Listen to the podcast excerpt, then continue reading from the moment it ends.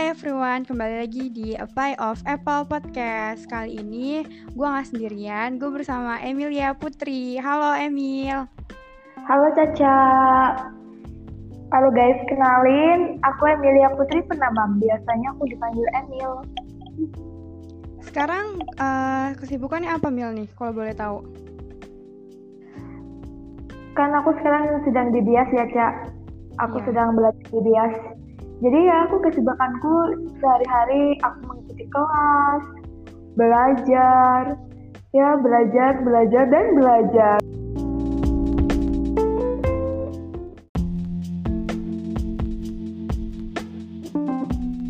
Kalau boleh tahu biasa itu apa sih?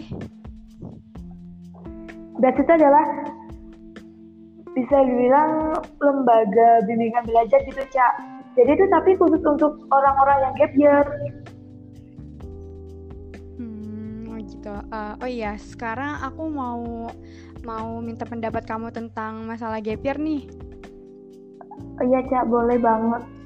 Kamu oh. berada pada orang yang tepat. Oke okay. kalau menurut kamu menurut pandangan kamu gap year itu apa sih? Gap year menurut aku ya kan menurut aku tuh gap year tuh bisa diartikan dua gitu loh di mana kondisi seseorang ketika dia baru lulus SMA terus dia tuh langsung memutuskan untuk menunda kuliah di tahun depan di tahun berikutnya atau kondisi seseorang di mana dia tuh kan udah kuliah ya tapi dia tuh mengambil cuti terus melanjutkan kuliah lagi di tahun berikutnya tapi kalau untuk kondisi aku sekarang kan, aku menunda, menunda kuliah nih. Ya karena kan kemarin-kemarin udah mendapatkan begitu banyak penolakan dari universitas-universitas gitu. Jadi ya gitu deh. Aku akhirnya memutuskan untuk menunda kuliah di tahun depan. Doain ya Cak, semoga lolos ntar. Amin. Uh, terus pernah ada gak sih stigma negatif dari orang-orang? Terus cara kamu mengatasi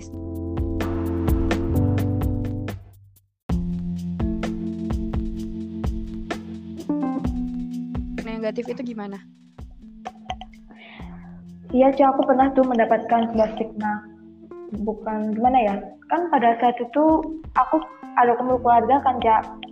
Nah, saudaraku tuh ada yang nyeretup gitu bilang gini, kalau kamu kuliah tahun depan, berarti kamu bodoh dong.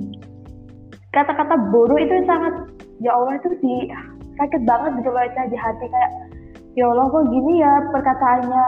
Kok mereka bilangnya gini gitu? Mereka nggak ngeliat aku gimana gitu? Kan mereka nggak tahu kanca perjuanganku gimana? Jatuh bangun aku gimana gitu? Kok dengan mudahnya mereka menjudge aku seperti itu?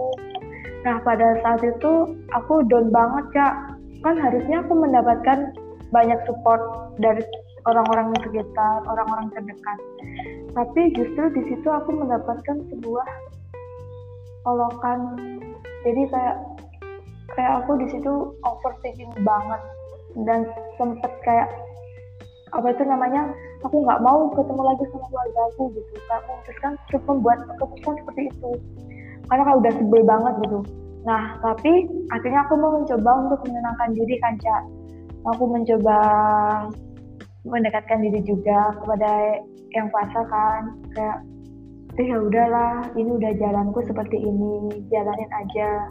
Jangan dengerin lah kata-kata orang kan ya kan mereka nggak tahu apa yang kita lakukan gitu. Ya udah bodo amat aja gitu. Yang penting kita tetap melangkah maju gitu. Buang jauh-jauh omongan negatif gitu. Terus uh, perasaan kamu pas kamu memutuskan untuk GPR itu gimana campur aduk banget udah campur aduk. Jujur ya ini dulu pas pertama kali aku memutuskan untuk gap year itu sempet gengsi cak. Soalnya gimana ya aku tuh jujur orangnya tuh dulu gengsi banget waktu SMA ini. Jujur banget gengsi. Nah apalagi pada saat itu orang-orang di sekitar aku teman-teman aku itu kayak membangun sebuah ekspektasi yang tinggi pada diri aku mereka tuh kayak sangat percaya bahwa aku tuh bisa, aku tuh pasti lolos tahun ini.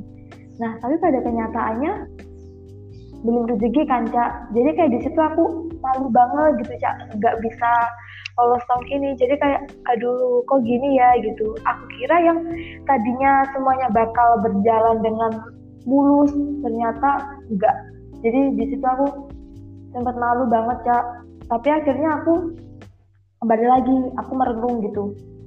Merenung nggak boleh dong aku kayak gini aku nggak boleh gengsi aku nggak boleh malu gitu. Apa yang terjadi pada aku saat ini tuh yang terbaik bagi aku. Jadi ya sudahlah terima aja. Masih banyak kok orang di sana yang memiliki nasib sama seperti aku. Aku nggak sendiri gitu. Jadi dari situ aku juga mulai berani speak up gitu aku mulai berani aku bilang ke teman-teman aku kalau aku tuh gap year gitu Iya, karena GPR aja gak ada salahnya kan. Sedangkan di luar negeri aja GPR aja uh, trending gitu, bukan nggak kayak di Indonesia gitu. Iya, kayak kalau di negara kita kan gap year itu seakan-akan kayak aib ya, apalagi kayak kok seakan-akan tuh kita tuh dicap kayak orang bodoh, kayak orang yang nggak mampu ketika kita memutuskan untuk gap year. Padahal tuh banyak banget ya manfaat yang kita dapatkan ketika kita memutuskan gap year. Dan aku baru menyadari ketika aku sudah berada di Bias. Uh, terus uh, apa yang pengen kamu capai di masa gap year ini? Rencana-rencana kamu?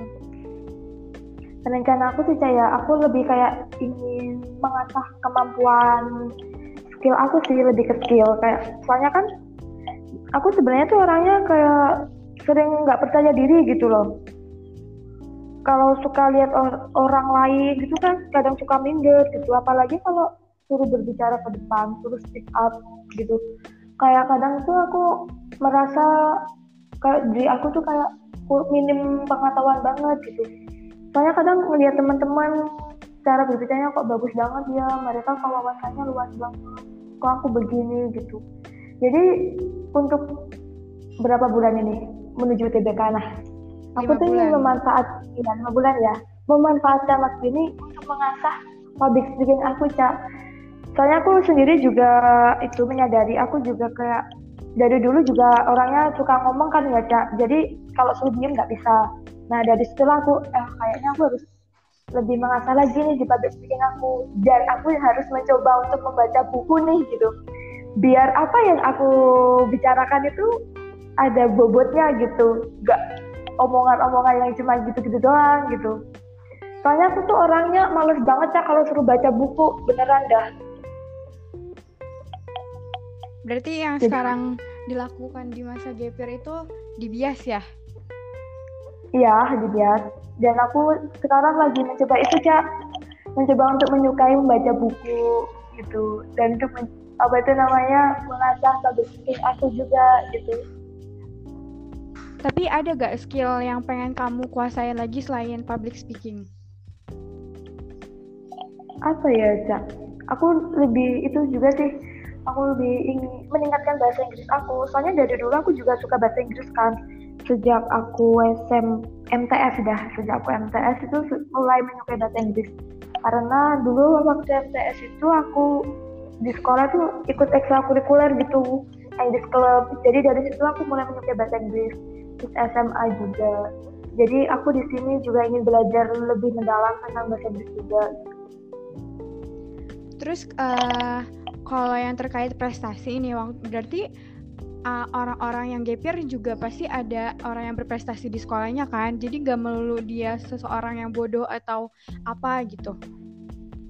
Ya alhamdulillah nih ya cak. Dulu waktu SMA itu aku pernah mengikuti beberapa lomba nih dan juga alhamdulillah dari sejak aku kelas 10 sampai kelas 12 aku selalu masuk 10 besar paralel.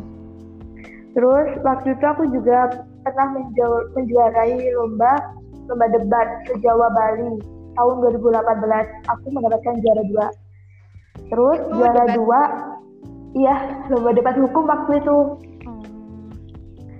terus juara dua lomba cerdas cermat tingkat kabupaten tahun 2018 juga. Dan masih banyak lagi lomba yang aku ikutin. Seperti itu dulu juga pernah ikut olimpiade TKN tingkat nasional waktu itu sih seleksinya karya tulis gitu cak. Nah waktu itu aku masuk 15 besar. Terus lomba itu juga apa itu namanya? Kok lupa ya cak aku saking banyaknya ya saking banyaknya lomba-lomba.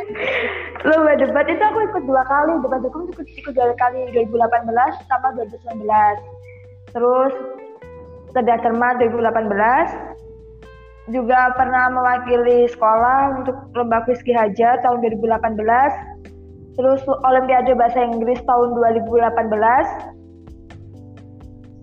itu sih sering aku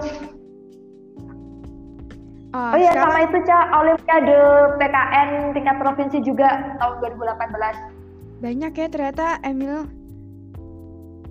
Alhamdulillah cak. Alhamdulillah.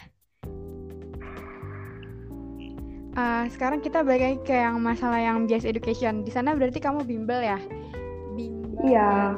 untuk UTBK iya untuk persiapan untuk UTBK di sana kamu udah berapa lama? Sekitar satu setengah bulan sejak aku ke sini itu September akhir.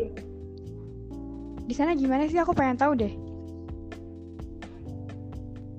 Ya di sini tuh ya kayak sekolah biasa sih cak berangkat pagi kan kalau kelasnya kan kelas akademiknya tuh pagi jam 7 sampai setengah 12 kan dan istirahat istirahat sholat habis itu ada kelas soft skill nah kelas skillnya nih ada yang pagi ada yang sore dibagi gitu.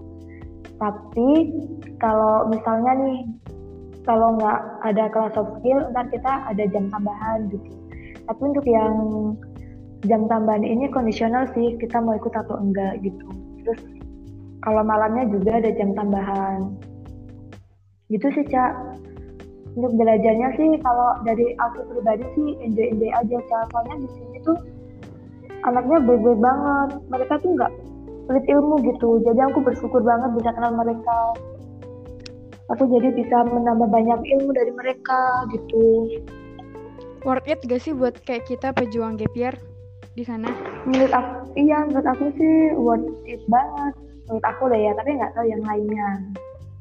Soalnya kan di sini kita tuh benar-benar bersatu dengan orang-orang di mana mereka juga memiliki nasib yang sama dengan kita gitu yaitu harus berjuang berjuang kembali untuk mendapatkan kampus impian gitu karena punya latar belakang yang sama jadinya kayak oh worth it gitu dan di sana juga nggak yeah. belajar tentang UTBK doang gitu ya kan ada skillnya juga gitu jadi kayak enjoy banget sih aku sih suka-suka aja cak di sana kamu berapa lama nanti? 9 bulan, Cak. Lama ya. Semoga betah ya di sana. Iya, Caca ke sini ya, ditunggu.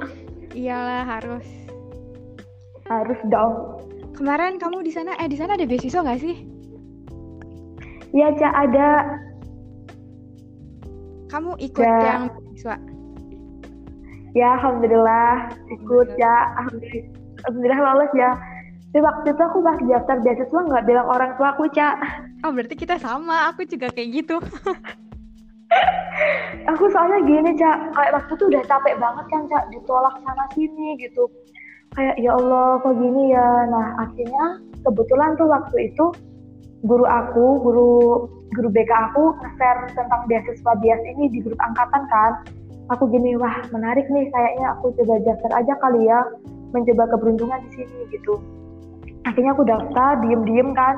Aku nggak bilang orang tua aku. Dan juga aku nggak bilang teman-teman aku hanya segelintir teman aku yang tahu. Jadi waktu itu ketika aku lolos tahap satu ketika aku lolos tahap satu itu aku kayak kaget gitu wah alhamdulillah alhamdulillah aku lolos gitu. Terus kan pas tes wawancara kan cak? Lagunya tes wawancara. Nah, akhirnya pas wawancara itu aku nggak di rumah. Aku tuh ke rumah temen aku. Soalnya kan aku nggak bilang ibu aku kalau mau kalau daftar sini. Jadi aku nggak berani tuh wawancara di rumah. Akhirnya aku itu deh ke rumah temen. Terus pas apa itu menunggu pengumuman ini, pengumuman keterima enggaknya, aku baru bilang ke orang tua kalau aku tuh sebenarnya lagi daftar beasiswa doain ya bu gitu. ibu aku kayak cuma kayak nggak begitu antusias gitu baca kayak ibu ibu aku juga udah capek banget dengerin kabar yang kurang baik dari aku di mana ditolak sana sini gitu.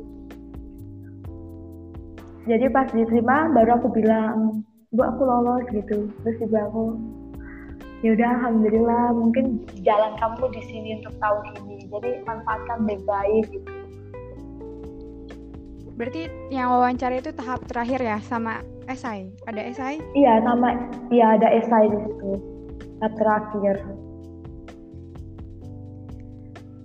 Berarti kan kamu beasiswa nih terus apa yang ngebedain beasiswa sama yang bukan beasiswa? Sama aja sih sama aja kebetulan aja kan. Yang beasiswa datangnya lebih awal. Kita tuh sama nggak ada yang bedain oh berarti gak dibeda-bedain antara dia beasiswa atau bukan beasiswa. Jadi kayak dipandangnya sama gitu. Kita sama-sama belajar gitu. Iya kita di sini tuh sama-sama belajar. Kita tuh sama-sama masih belum bisa gitu. Di sini kita tuh belajar gitu. Jadi nggak usah ada gap kayak BFL reguler gitu. Kita tuh di sini tuh sama gitu. Sama-sama masih belajar juga kan. Oke, makasih Emil waktunya. Udah mau diajak podcast bareng. Iya, Ca. Aduh, aku juga makasih banyak ya, Ca. Ini pengalaman pertama loh, Ca. Ya Allah.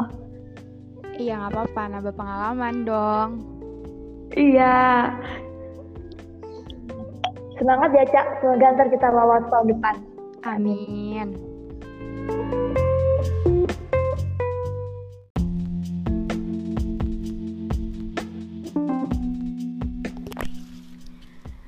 Oke okay guys, uh, jadi kesimpulannya adalah ketika kamu memutuskan untuk gap year, oke okay, nggak apa-apa, kamu merasa gengsi di awal, tapi jangan terlalu lama dalam keadaan tersebut, melainkan harus introspeksi diri dan mengevaluasi diri, karena apa yang terjadi mungkin sebuah timbal balik dari kesalahan yang kita perbuat dahulu. Jadi, kita harus lebih mengenal diri kita sendiri, mencoba untuk percaya diri, dan mencoba terus melangkah lebih maju, karena yang mengalami hal ini bukan hanya kita saja, melainkan banyak di luar sana yang mempunyai nasib yang sama. Jadi, ayolah bangkit, tetap semangat. Uh, thank you guys yang udah mendengarkan podcast ini. Sampai jumpa di podcast selanjutnya.